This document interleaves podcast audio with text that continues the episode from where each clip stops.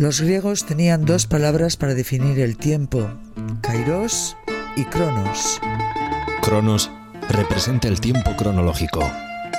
Kairos, lo que viene con él. Momentos importantes, en lugar de las infinitas posibilidades. Esto es Kairos y Cronos.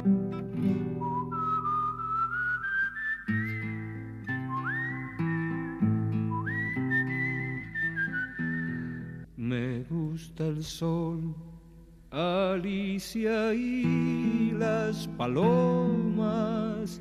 El buen Hola, ¿qué tal? Hoy hablamos con dos personas que viven aquí en Euskal Herria desde hace mucho tiempo, pero que vinieron de fuera. Mm, Uno inició un viaje en Túnez, el destino era Vitoria-Gasteiz, otra en Extremadura, primero llegó a Alsasua, luego más tarde a Legazpi.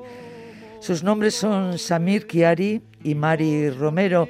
Samir es tunecino, decíamos, que lleva pues muchos años viviendo en Vitoria-Gasteiz. Un emprendedor comerciante de alfombras al principio que luego, después de, una crisis, se tuvo que reconvertir. Es miembro de la iglesia Bahá'í. Nos han dicho que es una persona que le gusta mucho conversar. Mari Romero es profesora, profesora durante 39 años de varias generaciones de Legazpiarras, donde vive ahora. Ella vino de Quintana de la Serena, en Badajoz. Es madre de una joven sanitaria, con lo que esto supone en estos tiempos de, de COVID. Participa activamente en las iniciativas de su localidad y ha escrito tres libros que, que tienen que ver con ella y con problemas reales de, de, hoy en día. Mari está aquí conmigo en, en, Donostia y Sami Chiari está en Vitoria, donde él vive. ¿Qué tal estáis? Os presento Sami, Mari, Mari, Sami. Muy bien. Buenos días, Sami. Buenos días. Bueno, hemos iniciado esta, esta charla con esta canción del cantautor argentino Facundo Cabral. No soy de aquí, no soy de allá. No sé si de alguna manera os puede representar. Bueno, la verdad que muchas veces me han preguntado de dónde eres y yo ser, la verdad, soy de Legazpi. Lo que pasa que tengo mucha unión sentimental y muchos recuerdos con Alchazu y es como mi segundo pueblo. Y tampoco puedo olvidarme de Quintana porque es que si así fuera, mis padres, sobre todo mi padre, nos lo repite a diario, su tierra, su tierra, y entonces es algo que ha calado, vamos eh, casi todos los años, por no decir todos, entonces soy de aquí, soy de allá, pero realmente mi pueblo es Legazpi. ¿Y en el caso de, de Sami? Bueno, la verdad, eh, yo me siento profundamente vitoriano pero también me siento profundamente navarro porque estuve nueve años trabajando de continuo prácticamente todo el día en Navarra. Bueno, pues tenéis algo en común. Ya los vamos, dos, ya Navarra me, me siento, me siento también profundamente uh, tunecino porque nací en Túnez, mis padres uh, son tunecinos. Me siento profundamente francés porque he tenido una educación francesa, escuela primaria y secundaria francesa. Y, y, luego me siento prácticamente ciudadano del mundo porque sinceramente siempre me preguntan si soy colombiano, así la gente en mi comercio, si soy brasileño, si soy turco, si soy pakistaní, si soy indio. Y la verdad es un honor para mí porque me siento un poco de todos los lados. ¿Qué tal estáis eh, pasando este, este duro momento del COVID? Yo ya estoy un poquito harta. Se podría decir que más que harta, más que por encima de la cabeza, de la mascarilla, de todo. Pero bueno, pues es que yo pienso que otras cosas eh, más difíciles han pasado otras personas en la vida y, y, pues tendremos que superarlo. Y yo creo que lo vamos a superar y cada vez falta menos. Y pienso que no tiene nada que ver con, con las guerras, con los conflictos que hay ahora en el mundo. Entonces, eh, dentro de la situación COVID, aún y todo nos podemos sentir privilegiados. Para mí es un momento, un punto de inflexión. Para mí es una gran pregunta que se, nos ha puesto delante y habrá que contestar a esa gran pregunta que tiene distintos apartados con claridad, sin embajes y con claridad meridiana. Y si no conseguimos uh, contestar y dar respuestas a toda una serie de cuestiones que se nos están planteando, pues probablemente esta situación puede repetirse en un futuro. Yo espero que no. Creo que al final vamos a salir fortalecidos y vamos a entender cosas que estaban veladas a nuestros ojos, pero que se van a hacer, que van a ser manifiestas. eh, Sí, y yo Sí, pienso sí. que sí, que todos tenemos la, la esperanza de que de, de esto saquemos algo mejor, de que nos sirva para, para empezar a analizar eh, lo bien que estábamos y el poco valor que le damos a muchas cosas cotidianas, diarias.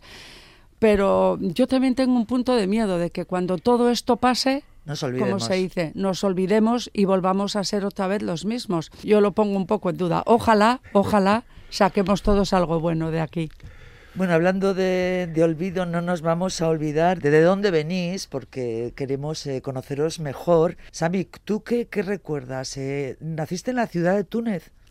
Eh, nací en la capital, aunque soy, vi, eh, o sea, la casa de mis padres se encuentra en la zona que llamamos Cartago. La ciudad eh, se Ujú. llama El Cram. Y Cartago, el famoso imperio que quiso plantar cara al imperio romano, pero que al final perdió. Es un sitio muy bonito en el norte de Túnez, cerca, está junto a la playa. Y eh, tengo muy bonitos eh, recuerdos, aunque la verdad empiezan a envejecer un poco esos recuerdos. Llevo más años viviendo en Vitoria que los años que he vivido en Túnez. Pero bueno, tengo tengo familia, por supuesto, ahí, toda mi familia está ahí, salvo mi madre que falleció hace un par de años. Y, la verdad, eh, bueno, mucha diferencia no hay entre Cartago o esa zona donde vivía yo y Vitoria. La verdad, no, no hay diferencias esenciales. Y por lo tanto, mis recuerdos y mi vida presente se entremezclan. Y me siento, cuando ocasionalmente me, me voy a Túnez, pues me siento en casa y cuando estoy aquí también me siento en casa, o sea que no... Mari, tú estuviste muy poquito tiempo en tu pueblo, ¿no? Muy poquito tiempo. Ajá. Yo podría decirse que nací ayer, eh, nací allí de casualidad, de una casualidad premeditada, porque mis padres eran los primeros que se habían venido de, eh, inmigraron aquí a, a- a Euskadi. Y como ya tenía un hermano de un añito, pues eh, mi padre decidió que claro, que ella sola, entonces fue para que yo naciera. Y cuando ya tenía 20 días, pues mi padre tenía que volver a trabajar y otra vez el revuelo de maletas volvió a traernos en un tren en horas interminables y aterrizamos en Alchazu.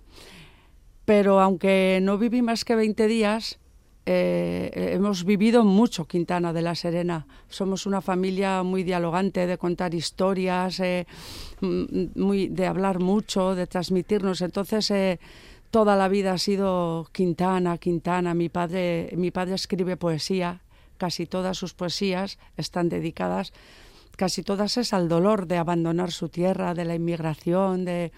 Entonces hemos vivido Quintana. Y luego los 10 años de Alchazu, pues es que en Alchazu, Alchazu es mi infancia, es mi infancia. Y, y mis primeros años, el despertar a, a un pueblo que, que al principio igual nos veía como gente de fuera, pero que también tuve realmente muy buenas amigas. Y luego Legazpi. Sami decía que es mm, vitoriano, pero también de, de muchísimos otros sitios. En tu caso, ¿cuánto tiempo viviste en, en Túnez?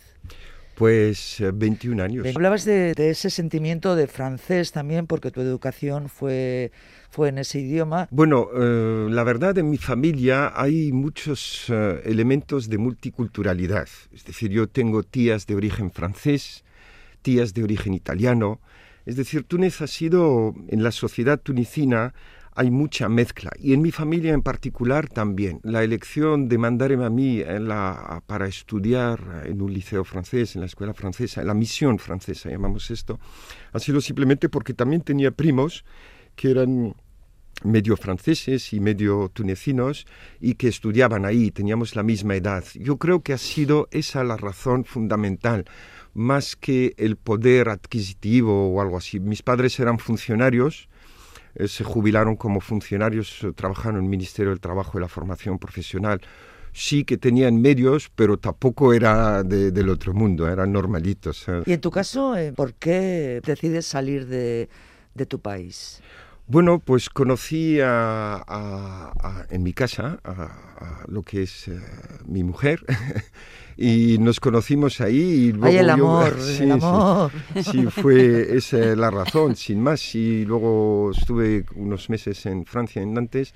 Luego decidimos eh, vivir, casarnos y vivir aquí en Vitoria. ¿Tu, tu mujer es vitoriana? Sí, es vitoriana, sí. A mis invitados les suelo decir que elijan un par de canciones para escuchar durante, durante esta conversación. Vamos con, con la primera de ellas.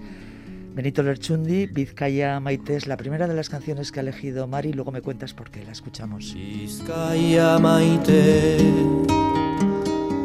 Atzo goizean ikusi zindudan Soineko xuriz jantzia Buruan orlegi bihotzean suba Nere gogoaren Ertzatik pasatzen Zure usain gozoa lana Amodioa itxasoa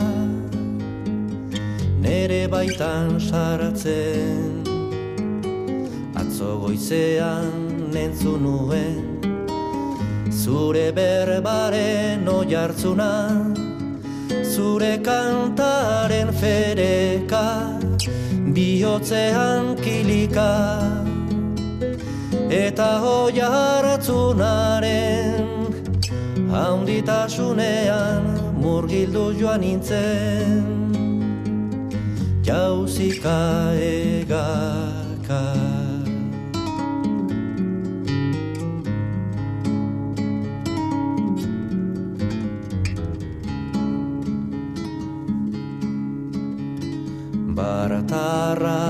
Baratarratzean Arbasoen baratzaren ondoan Bertxotan eta dantzan. Lotu zinen alai piperreta gatza. Sabele manko Bizkaia maite. Atzo goizean ikusi zindudan Soineko xuri jantzia Buruan orlegi bihotzean suba. Olerkari Penatuaren gozo eta mina Amodio eta kanta Zure berbalehun Zure gatzaren bizia Zure burdinaren goria dira gau Neretzat aterbe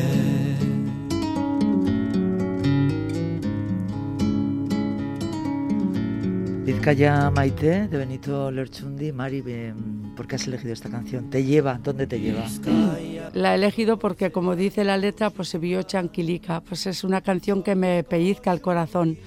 Me lleva a mi juventud, a mi época de estudiante, a la época en la que un nuevo idioma empezó a instalarse en mi cabeza y luego de ahí pasó a mi corazón.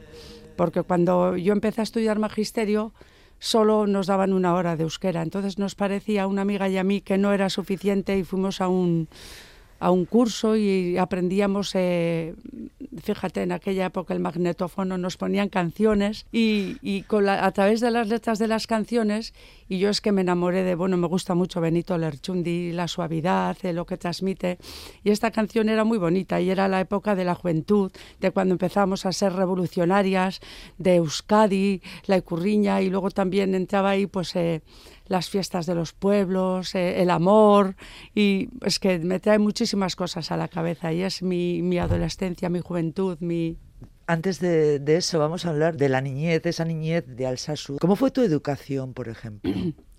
En Alchazu, yo fui a la escuela eh, eh, hasta los 10 años en Alchazu, a la escuela hice parvulitos, antes era parvulitos, y luego hasta quinto curso. Era un colegio, el colegio Domingo Lumbier, era un colegio que estaba separado de niños y niñas, estaba separado con un seto, no nos podíamos juntar. Me costó muchísimo. ¿Quién me iba a decir a mí que iba a acabar los días, mis días en una escuela, que además es un- una profesión que he adorado? O sea, y me costó muchísimo, pero pues eso, tengo el recuerdo, tengo buen recuerdo de...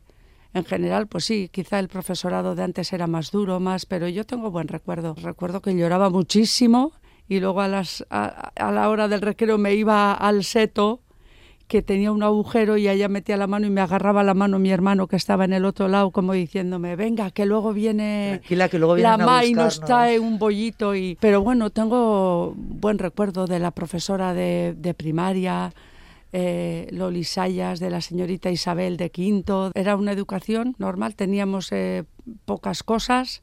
Éramos pobres, mi padre siempre dice, nunca os olvidéis de lo pobres que hemos sido, porque el saber de dónde venimos nos hace mejores. Y nunca hay que nunca hay que olvidar Gran sabiduría. el saber dónde venimos es que si olvidamos de dónde venimos, eh, perdemos mucho. Creo Sí. que es una parte de nuestra vida que está ahí y es la que nos ha, nos ha traído aquí. Y él siempre dice, hijos, nunca os olvidéis que hemos sido más pobres que las ratas. Bueno, Sí. Quería y, decir y a una esa cosa. barrilla, di lo que quieras a mí. La canción es preciosa. La Sí. verdad, siempre me, me- Si hay algo que, que se me va a quedar en el tintero, espero que un día pueda recuperar, es no hablar y entender muy bien el euskera. A veces, aunque no entiendas muy bien eh, eh, el idioma, eh, A veces no hace pues, falta, no- ¿verdad? No, no, no hace falta, no. En cuanto a, mm, a lo- a la cuestión de la pobreza, yo creo que la pobreza, eh, sí es cierto, uno tiene que recordar dónde nació, en qué familia, y desde luego no elegimos la familia en la que nacemos, y no nos tenemos que avergonzar, desde luego.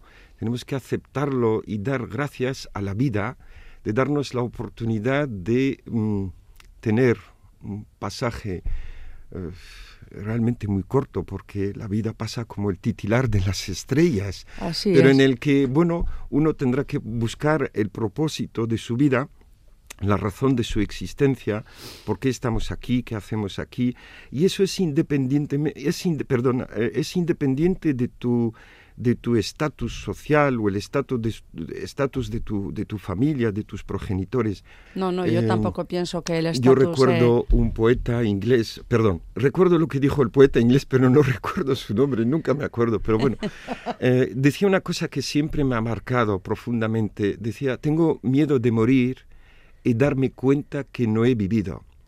Y eso no tiene nada que ver con las posesiones, con, la- con los bienes, con nuestra cuenta bancaria o la cuenta bancaria No, no, de para nuestros nada. padres. ¿no? Para nada. No, Por suerte no tiene nada que ver. recordar de dónde venimos y sí, es importante.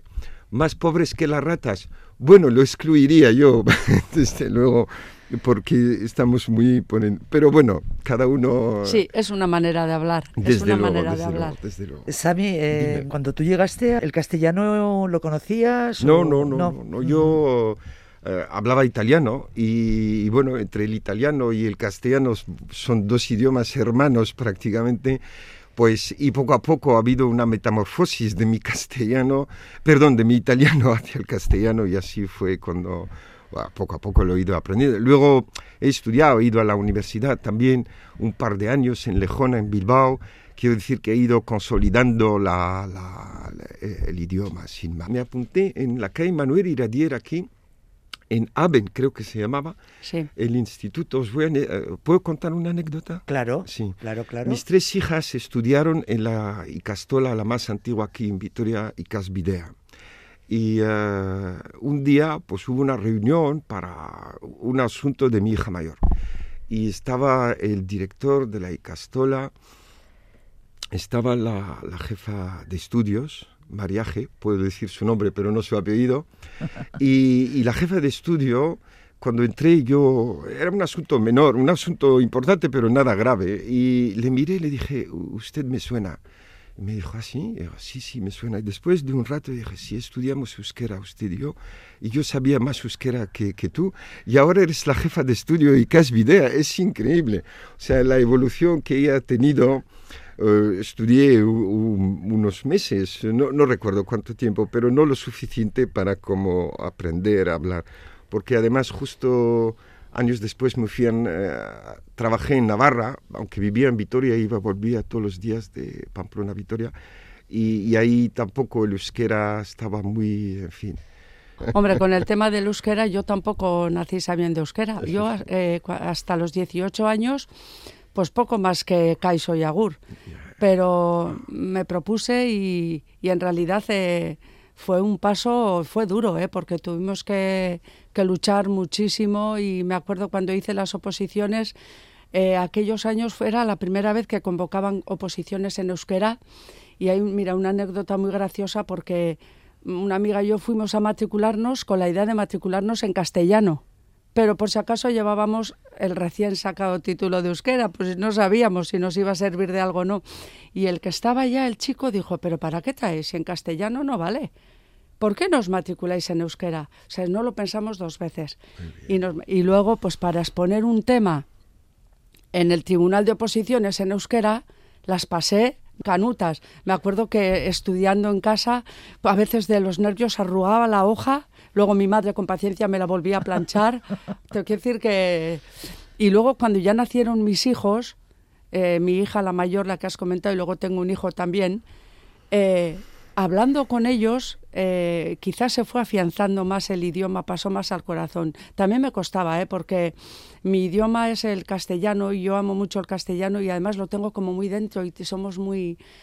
Y, pero pues decirle todas las cosas, a veces le hubiera dicho, ahí te comería, pero siempre, mm, jango saitún, lastana, maitía. Y esas palabras dulces y suaves que tiene el euskera me ayudaron a que ese idioma fuese, fueron mis hijos los que me ayudaron, bueno, y mi marido también, que él es de familia euskaldun, bueno, y, y me insistía y, Mari, luego en, en- en tu profesión como, como, enseña- como enseñante, ¿en qué idioma lo hacías? ¿Lo hacías en Bueno, en pues yo he trabajado en la escuela pública de mi pueblo y estoy muy contenta. Y al principio cuando empezamos hubo bastantes problemas porque empezábamos y teníamos que enseñar euskera, pero en realidad era el modelo B. Pero cuando se iba a matricular mi hija, eh, con tres añitos empezaban, y el hijo de una compañera, pues que nos negábamos a que fuera. Nosotros queríamos modelo D. Entonces eh, me acuerdo que fuimos a Donosti a una reunión con el delegado de educación a pedirles que queríamos D en la escuela pública. Y ya nos costó. Dijo que teníamos que conseguir 13 alumnos para abrir una guela. Pues ahí nos ves. Tuvimos que andar pidiendo firmas a los padres, convenciéndoles que... y conseguimos. Y, y mi hija y eh, aquel año, fíjate, pues mi hija cumplió el sábado 37 años y fue, que parece que no, pero ya lleva mucha andadura la Escuela Pública de Legazpi en modelo B, en modelo D, todo euskera. Es el trabajo de mm, el trabajo al que se ha dedicado Mari. Luego vamos a hablar de otra faceta muy importante, la de sus libros. Sami, yo quería que me contaras, con el paso de los años, esa sensación de pertenecer a un lugar nuevo. Bueno, pues ya se va sentando y tú empiezas a trabajar. ¿De qué trabajas? Pues eh, eh, me dediqué a la importación de alfombras persas y orientales. Eso fue durante 20 años. Y eh, bueno, ha sido una experiencia fantástica, maravillosa, porque tenías contacto con gente, mm, pues con indios, con pakistaníes, con turcos, con... y ha sido una experiencia muy, muy grata, porque... pues aprendes, es, es, un, es un negocio muy tenso, muy, eh, muy arriesgado también, y, y- tienes que tomar decisiones sobre cantidades enormes de inversiones, y, ha sido, ha sido re- realmente muy, muy, muy gratificante. Y, finalmente, como lo has dicho antes, pues que la crisis, pues que poco a poco la gente ya con la crisis financiera, desgraciadamente, pues la gente ya dejó de, de comprar ese tipo de artículos que suponía un desembolso importante, pero antes de, de decidir terminar con la, con la compra y venta de alfombras persas y orientales, también decoración, o sea, estaba Ajá. ligado a la decoración, trabajaba con decoradores, que es muy bonito porque es entrar en casa de la gente, ya conoces mucha gente y conoces mucha gente en sus casas. Oye, a mí que hay algo que nos une. Mira, las alfombras de mi habitación Sí. las compré en Sousa, en Túnez. En Túnez. Son unas, estoy, son muy bonitas además Sí, y, y de, Me acuerdo que fuimos y se la compramos allí a unos que nos ofrecieron té y... Claro, ¿ves? claro, ¿ves? todo- toda la magia, ¿no? Toda la magia, toda la magia, sí, sí, fue... Pues esa magia ha desaparecido en este momento. Ya me imagino. Más que la alfombra, a mí me gustó la magia de, de la compra. Sí, sí, Fue, sí, fue sí, maravillosa. sí, sí, sí, y, sí. y ahí están, ¿ves? Algo, algo... Sí, sí, sí, sí, sí, sí. Vamos con la primera de las canciones que ha elegido Sammy, Dance Me to the End of Love. Es una canción del artista canadiense Leonard eh, Cohen. En este caso la canta Madeleine Pegot, la lleva magistralmente a su terreno, a esa manera de cantar que tiene, que dicen que, que es calcadita a Billie Holiday.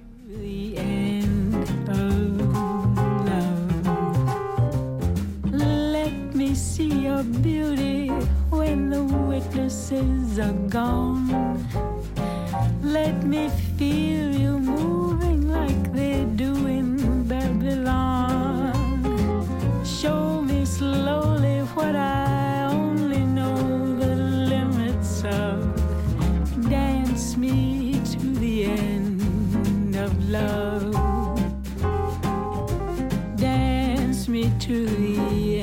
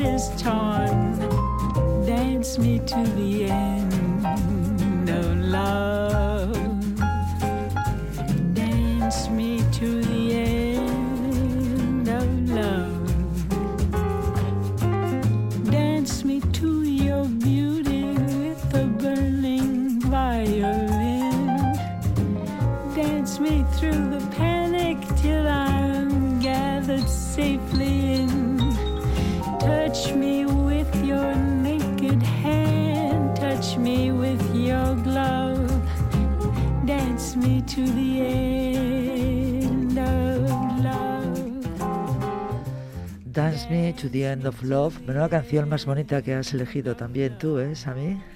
Sí, yo creo que la fuerza más poderosa que rige nuestra vida es el amor. Mm. Y cuando el amor mm, deja de existir, pues eh, nos morimos. Sí, ya no hay nada. Eh, el amor para mí es fuente de vida y su ausencia es eh, la causa de, de la- de la muerte. Pero no solamente de la, de la muerte física, no estoy hablando de la muerte física, de la muerte del sentido de las cosas. Eh, eh, el amor une. Lo cierto es que en esta canción se une perfectamente el amor y la muerte, porque, bueno, esta canción la escribió Cohen después de leer en algún sitio que en los campos de concentración nazis, al lado de los crematorios, un cuarteto de cuerda, personas que sabían tocar instrumentos, eh, estaban obligados a tocar música clásica mientras el horror se, se producía, ¿no? Sabes, eh, decías que, que formaba parte de la, de la comunidad Bahá'í, de la Sí, religión Bahá'í. sí. ¿no? Bahá'u'lláh tiene un mensaje, Bahá'u'lláh, el fundador de la fe Bahá'í, dice, en el jardín de tu corazón no plantes sino la rosa del amor. Comparó el corazón humano a la tierra, ¿no? Es una tierra fértil. Y si, plante- si, si nos, si nos ocurre plantar, por ejemplo, el odio en nuestro corazón, crece, porque es tierra, la tierra es fértil. Si plantas la semilla de rencor, te conviertes en rencoroso. Si plantas la semilla del odio, te conviertes en odioso. Si plantas la semilla de la cooperación, te conviertes en una persona cooperativa, solidaria. Todo lo que plantamos en nuestro corazón crece. Por eso que todo lo demás no cuenta, lo importante es el amor, porque a partir del amor todo cambia. Si hacemos las cosas con amor, si trabajamos con amor, educamos con amor, nos relacionamos con amor, yo creo que todo tiene otro sentido y mucho más fructífero y tendrá un fruto, digamos, que nos beneficie a todos, al que ama y al que se deja amar. Yo pienso que además el odio y el rencor son eh, los dos compañeros que debemos alejar de nuestra vida, porque en el fondo, cuando una persona tiene rencor y odia, el que más sufre es él mismo o ella misma. Claro. Conocí personalmente a un señor, se llama Eric Blumenthal, fue psicólogo, murió no hace muchos años, estuvo en los campos de concentración. Vino aquí a presentar un libro sobre relaciones maritales, eh, psicólogo. Él contó que se escapó de los campos de concentración. Y fue una noche, vio un- una posibilidad de saltar esas eh, barreras, eh, en fin. Y en el momento en que ya estaba fuera del campo de concentración, se encuentra cara a cara con un soldado nazi, un guarda que estaba ahí. Y dijo, eh, claro, escapó a la muerte porque nos lo contó en Madrid. Eh, dijo que cuando le miré y me miró, nos miramos a los ojos el uno hacia el otro, ¿no? Y eh, en aquel entonces yo lo único que sentí hacia ese ser humano que estaba con una ametralladora que me podía haber eh, pe- pegado un tiro y, y abatirme en el instante, nos miramos y yo no tenía ningún sentimiento ni de odio ni de absolutamente nada. Simplemente le miré en los ojos y le dije, "Uh, un kairos, ha tenido una especie de kairos instantáneo donde se, se presentó toda la dimensión del amor entre seres humanos, ¿no? Esas Y son él- situaciones, eh, Sami, que también las hemos podido vivir en, en otras guerras, se, se han vivido, Eso y las hemos vivido en la literatura. Eh, también. Luego hablamos de la literatura, de los libros de, de Mari, pero terminanos de, de contar eh, esta Sí, experiencia. y, y es, simplemente fue así, simplemente se miraron, le miró, creo que se amaron en aquel momento como dos seres humanos y le dijo, ala, vete, marcha, corre. Y así salvó la vida, pero fue un acto de amor eh, que, que compartieron en un Kairos, como es el nombre de tu programa, en un instante hubo una revelación instante. y esa, y esa revelación fue, somos seres humanos, me quiero, quiero salvar la vida, eh, ayúdame, ámame como, como cualquier otro ser humano y déjame marchar. Y, y fue ese intercambio que le permitió salva- salvar la vida. Seguramente la otra persona también decidió en ese momento que no, que- Exactamente, que no quería matar, Exactamente. matar a nadie. Situaciones que yo decía que, que, bueno, las hemos leído también en la literatura. Mari, háblanos de... Me has contado antes que siempre te ha gustado escribir, que incluso en, en la escuela, bueno, pues has participado en algún concurso también de escritura con tus alumnos y alumnas. Pero de repente eh, te vas hacia una literatura mm, que la tenemos en las manos, eh, los libros que, que has editado. El primero es La Casa de la Boardilla, que es aquella boardilla de Alchazu. de Alchazu. Aquella boardilla, aquella boardilla de la que no sé por qué no puedo olvidarme. Eh, vivíamos allá eh, dos familias juntas. Mi padre fue el primero que abandonó su tierra, pues eh, igual que estos chicos de hoy en día que vemos por las calles de los pueblos, pues eh, en el fondo eh, con el mismo objetivo, buscar un trabajo y un futuro mejor y poco a poco se fue viniendo su familia y todos pasaban por esa casa de la Guardilla. Estaba construida en una zona de Alchazu, además rodeada de casas de gente pudiente porque estaba en el centro del pueblo. Y cuando al final tu- tuvimos que dejar eh, Alchazu para venir a- para ir a vivir a Legazpi por cuestiones de trabajo, a mí se me vino el mundo encima, porque para mí desaparecía mi niñez, eh, las noches con la abuela, con las primas, durmiendo todos en, una cama, unos a los pies, otros a la cabecera. Era un. Entonces, eh, cuando murió una de mi tía, la que vivía con nosotros, era mi segunda madre, pues el día de, del funeral, que estábamos toda la familia, ya te he comentado que somos una familia de, de comentar muchas historias, me quedé mirándolos a todos en silencio y pensé pues algún día yo voy a escribir, le dije a uno, la historia de esta familia. ¿Y cómo le pondrías de título? Pues me salió sin más, La Casa de la Guardilla. Y a los pocos días de eso, mi prima me llamó por teléfono y me dijo, he conseguido la llave, podemos ir a visitarla, estaba bastante ya en ruinas. Y fue ese preciso momento entrar en esa casa y cuando ya estuve rodeada de, esas, de, de ese espacio, esas paredes, las paredes que había pintado mi padre, eh, la chapa, el fuego, los, los recuerdos se me vinieron encima, fue tanto que es que no podía evitar las lágrimas. Entonces llegué a casa, me puse a escribir como loca, como loca, como y me decían, pero ¿qué te pasa? Y no, no, no, que son mis cosas. Y cuando acabé, le regalé a mis, somos cuatro hermanos, dos chicos y dos chicas, y, y a mis padres una copia y, y, es lo como lo si... reconocieron perfectamente. Sí, sí, sí, sí, lo reconocieron. Y fíjate qué cosas. Al poco tiempo, mi prima con la que yo vivía en esa casa me mandó una foto de una grúa y me dijo, ¿qué es? Y enseguida lo adiviné. Y dije, han tirado la casa de la guardilla. Pero ya no me importó porque ya está guardada en las páginas de mi libro. Ya ha sido un, un, homenaje a toda mi familia. Cada capítulo es un personaje de la familia, pues eh, el tío que le llamaban Coplita, la tía Inés, eh, la tía Rosa, o sea, y uniendo la vida de todos ellos, hemos pues...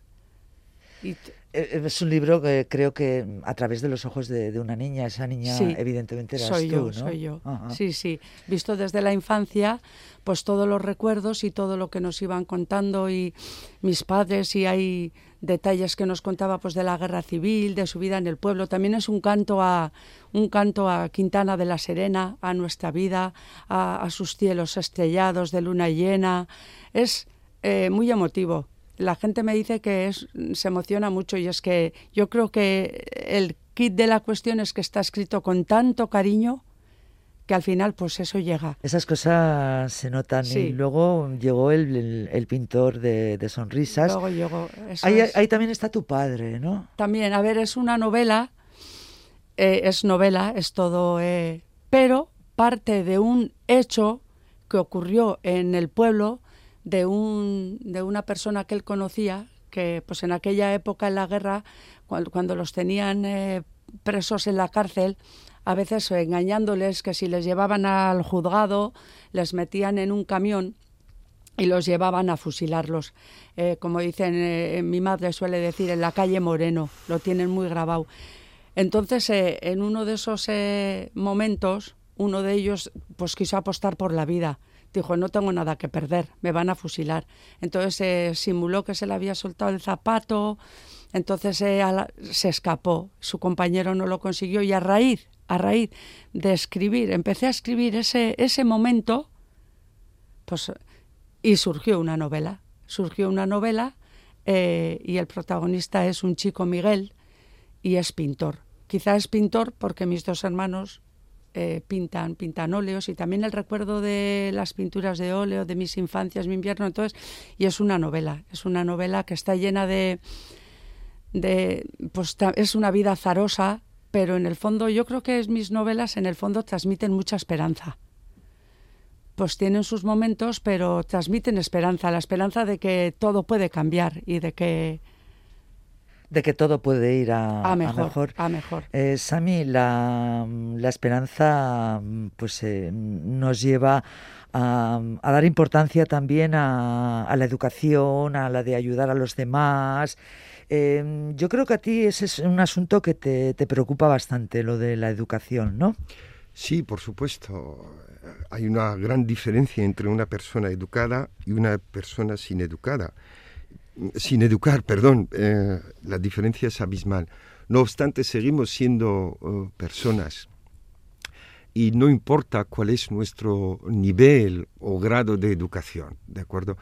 Pero hay un mínimo y desde luego la sociedad en la que vivimos hoy, por hoy, en el mundo entero, pues el nivel de penetración de, de la educación en las sociedades cada día es mayor, ¿no? Si comparamos nuestra situación actual con eh, las sociedades de hace 50, 60, 70, 80, 100, 150 años, la diferencia es clara y evidente que mm, la humanidad ha entendido por fin que la educación, el conocimiento no tenía que ser eh, para unos pocos, una camarilla de amigos o, de instituciones que tenían eh, la capacidad de conocer, sino que había que generalizarlo y eh, ampliarlo a todas las, los estratos sociales y a, y a todos los países y en todas las condiciones, desde centro de África en, o, o- o a, a la India, en las profundidades de la India y pasando por la Amazonia o lo que donde sea hay ya sistemas educativos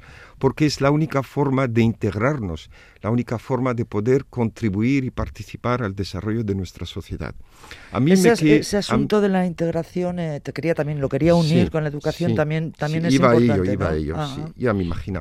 Yo, por ejemplo, tu- tuve el privilegio, me llamaron en, una, en un instituto mm, aquí en Vitoria, mm, eh, Judith Mendy, un instituto que eh, es, es, es realmente para, para meditar sobre lo que eh, esta transformación que, que está ocurriendo, que es sutil, que es continua, firme e inexorable y no hay marcha atrás. Y la transformación es que ese instituto, cuando entras por la puerta central de ese instituto, hay 23 banderas de 23 países diferentes. No son 23 icurriñas, ni son de 23 países que representan la multiculturalidad de ese instituto. Hay gente de la India, de, de, de, Camboya también, de, Pakistán, de, Marruecos, de todas, de Nigeria, de, y es alucinante porque a mí me, me ha encantado. Eh, Fue una profesora que conocía y le dije, esta es tu clase, pasando eh, en la calle, me dice, sí, eran todos de todos los colores posibles, imaginarios, y eh, hay una sensación que esos institutos donde estudian niños que provienen de la inmigración o han nacido aquí pero sus padres no, no, no, no, no, no son de- de- de este país o no han nacido en este país, por decirlo de alguna forma, pues son institutos o escuelas gueto. Y eh, hablando un poco con esta profesora y tal, que le gustaba las ideas bajáis, ¿no? De- y me dijo, Sami, ¿por qué no vienes y dices estas cosas a, a mis alumnos? Pues prepararon con la directora, la aprobó la, la directora, y fui, y la verdad, lo que, lo que, la idea fundamental es que yo cuando hace 30 años, 33 años que llevo viviendo en Vitoria, era un elemento exótico de la sociedad vitoriana, porque había muy poca gente de fuera. Y ya en Ahora ya esos no. 30 últimos años, todo ha cambiado. Has dejado de ser Sí. ese, Eh, ese eh, he dejado de ser exótico. Mira, hace poco una anécdota de paso, justo un paréntesis, cambié de peluquero porque, por- porque mi peluquero Iñaki se ha jubilado y tenía que buscar eh, peluquería y las peluquerías, eh, probé una, luego probé otra y en una eran brasileños y colombianos y por fin la que me decanté eran también ecuatorianos, perdón, ecuatorianos no, eran marroquíes y, y colombiano también. El dueño de la peluquería eh, es, es colombiano. Y dices, madre mía, qué cambio en Vitoria. Cambias de peluquero porque he sido fiel durante treinta y tantos años. Sí. Y cuando te buscas otra peluquería, ya son gente que no han nacido aquí. Y es ese cambio que ocurre también en la escuela. Sí, yo eso lo he tenido muy claro en la escuela. A mí si me preguntan, yo soy andereño, andereño de niños y niñas. Punto. Porque ya sé que es un problema que las escuelas públicas se puedan convertir en un gueto. No me gustaría, porque pienso que... Pero ante la idea de, de esa o la otra, yo soy profesora de niños y, Y niñas, niñas, sí, de donde sean. La, la idea fundamental que intenté en ese taller, era pregunta y respuesta a los niños, es empoderarles y decirles que ellos es la imagen de Vitoria del futuro, del presente y del futuro, porque no hay vuelta atrás. No vamos a volver a tener una sociedad monocolor o monocultural o monoreligiosa o monoétnica. Eso es asunto del pasado, es tiempos pretéritos que no volverán. Lo que hay que hacer es ese esfuerzo de integración, de conocernos, comprendernos y acercarnos, unirnos, ¿no? De alguna forma. Este asunto es precisamente también eh, el asunto de la integración y de la gente que llega de fuera a convivir con nosotros. El tema del que habla el último de los libros de, mm, que ha escrito Mari Romero, ¿Por qué no nos dejáis entrar? Luego hablamos de él. Primero escuchamos un poquito a, Sí, sí. a Sabina porque se nos va el tiempo. Muy bien, muy bien. Para disimular aquel sabor a chocolatina, piel, saliva y sudor. Bueno, pues Mari, nada, unas, unas notas de Sí, sí, esta mi de esta Sabina, mi Tu Sabina, querido, que me pone la carne de gallina en el corazón. Bueno, pues eh, lo que decíamos, ¿por qué no nos ¿Por qué no dejáis- nos dejáis entrar? Esa es la pregunta. ¿Por qué no nos dejáis entrar? Eso viene a raíz de un chico que conocí, lo hago breve, en una puerta de un Eroski. Como hay tantas puertas de Eroski que acobijan en una esquinita a uno de esos chicos que están con el gorro en la cabeza, las manos metidas en los bolsillos y yo la única parte que veía de él eran sus ojos. Y en esos ojos profundos y, y negros es que sentí algo, sentí algo. Entonces eh, yo vi que más que que le diese un euro o le diese un plátano, yo creo que más que eso él lo que quería era mis palabras, mi aceptación. Lo que quieren es que los veamos como otros más. Entonces pensé, "Ojo, pues algo tengo que hacer. No me contaba mucho porque no quieren hablar muchísimo del sufrimiento. Entonces yo imaginé una historia y la escribí en su nombre. Y, es una historia que puede ser real. Y eh, lo tengo muy claro, lo tengo clarísimo. El objetivo siempre fue remover conciencias, porque no vienen a quitarnos nada. El trabajo no es patrimonio de nadie, no es, es, es, es derecho de todos, ni el trabajo ni, ni el mundo. Y entonces eh, solo quería leer, mira, son cuatro líneas de la entrada del libro y es que aquí se resume facilísimamente, porque es eh, quizá lo que me, me llevó a, a escribir. Leí una noticia de un niño que había muerto ahogado como tantos en el mar Mediterráneo y tan solo tenía 14 años. Se ahogó en el Mediterráneo como muchos más. Entre sus ropas, testigos de que era un buen alumno, llevaba cosidas las notas de la escuela. He leído el titular y la imagen de su madre ha barrido mi alma. No he podido evitarlo. Presiento ahora el porqué de este libro. Él y otros muchos como él se lo merecen. No vienen a quitarnos nada, lo sé, estoy convencida. Entre las páginas de este libro se esconde un único objetivo, remover alguna conciencia. Con eso me basta. Sí, señora. Entonces pensé, y claro, como el libro se presta, pues el dinero que estoy sacando del libro va para salvamento marítimo humanitario, concretamente para la Itamari. Precisamente para ayudar. No me quiero despedir, Sami, sin que me cuentes en qué estás trabajando ahora. Pues ahora tengo una pequeña tienda en, en Vitoria en donde me dedico a vender prensa, revistas, chuches, frutos secos, refrescos y helados. Te conoce todo Vitoria, ¿no? Pues eh, sí, sí, conozco, a- conozco a muchísima gente, conozco a muchísima gente. Algún día que vaya a Vitoria tendré que ir yo a ese kiosco. Claro que sí, estoy enfrente del Hospital Santiago, es fácil de encontrar. Enfrente del Hospital Santiago. Bueno, sí, sí. un, día llegaré y diré, Seguro, hola Sami, soy Mari. Seguro. se- No sé si podría decir alguna cosa respecto. Sí, sí, po- sí, sí, nos da tiempo. Eh, eh, yo creo que eh, estamos viviendo una época de grandes transformaciones, tra- grandes transformaciones sociales. La sociedad humana, antaño, hace muchos siglos, estaba organizada en familias. Más tarde ha ido ampliando su círculo se ha convertido en clanes, un conjunto de familias. Más tarde ha pasado a reinados, luego a naciones, luego a estados-naciones. Y ya la humanidad en su organización societal y social ha llegado a ter- al final. al fi- y el final es que hoy por hoy estamos para poder, estamos construyendo una civilización mundial. ¿vale? El hecho en tu título que dices que no vamos a... ¿Por qué no nos dejan entrar? No nos dejan entrar ¿dónde? si Eso esta digo. tierra es, eh, es la tierra de todos. Es lo que he dicho yo, que es, Es- patrimonio de la humanidad. La tierra es patrimonio de todos. Entonces, ¿por qué? Pienso claramente que ninguna, ninguna frontera puede estar por encima de ninguna y las persona. fronteras, eh, cuando las, eh, las estudiamos, vemos que han sido todas elaboradas a sangre y fuego. Eso es. Y por lo tanto, hoy por hoy, el último paso evolutivo de la organización de la sociedad humana es la creación de una civilización mundial.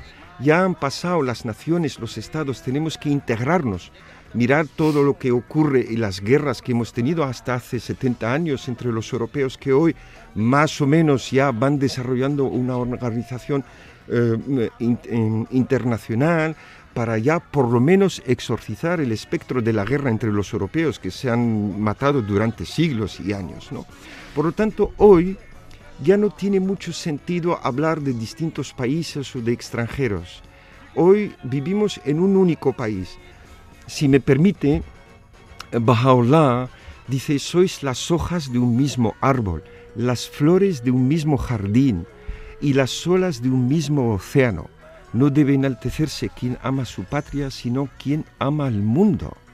La tierra es un solo país y la humanidad sus ciudadanos. Ese es Bueno, el ideal, pero... Es un concentrado que os he lanzado así, que Sí, me ha salido del Ese corazón. sería el ideal, pero falta todavía mucho para eso. Y Estamos además, en ello. Sammy, nos tenemos que, que despedir. Yo sé que siempre cuando me planteo, cuando entro diciendo, jolín, una hora, no sé de qué vamos a hablar y al final eh, nos tenemos que, que cortar casi casi la palabra unos a otros. Os agradezco muchísimo vuestro tiempo, Gracias. vuestras experiencias. eh, nos quedamos con, con la segunda de las canciones que ha elegido Sammy. eh, a través de la calle 110 es del, del músico estadounidense Bobby Womack y precisamente es una calle emblemática, es la calle 110 en Nueva York que divide Harlem y Central Park. Es una especie de, de frontera entre razas y clases, justamente lo que no queremos. Es que ricasco. Es que ricasco. Es que ricasco.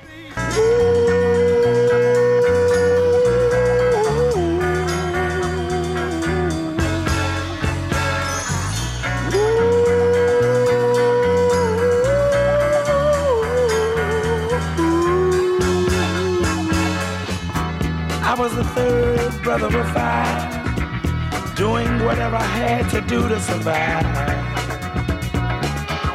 I'm not saying what I did was alright. Trying to break out of the ghetto was a day to day fight. Being down so long, getting up didn't cross my mind. But I knew there was a better way of life, and I was just trying to find. You don't know what you do till you put under pressure. Cross 110th Street is a hell of a tester. Across 110th Street, pimps catch a woman that's weak. Across 110th Street, pushers won't let the junkie go free. Across 110th Street, woman trying to catch a trick on the street. You baby, across 110th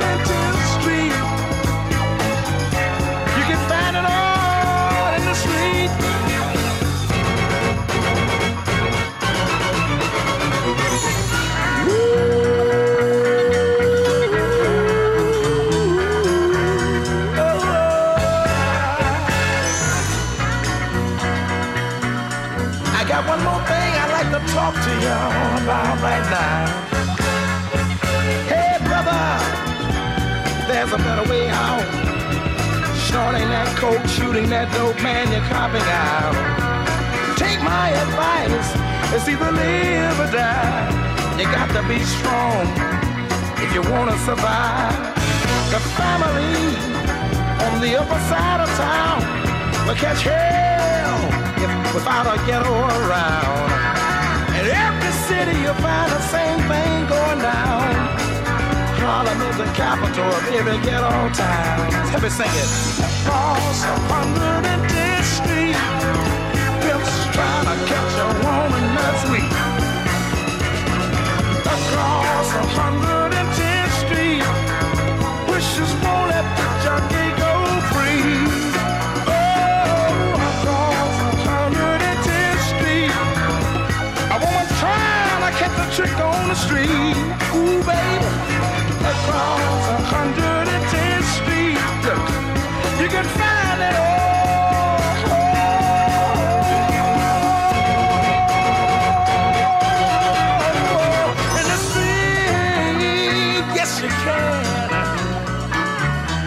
Oh, you, look around look around ah, yeah.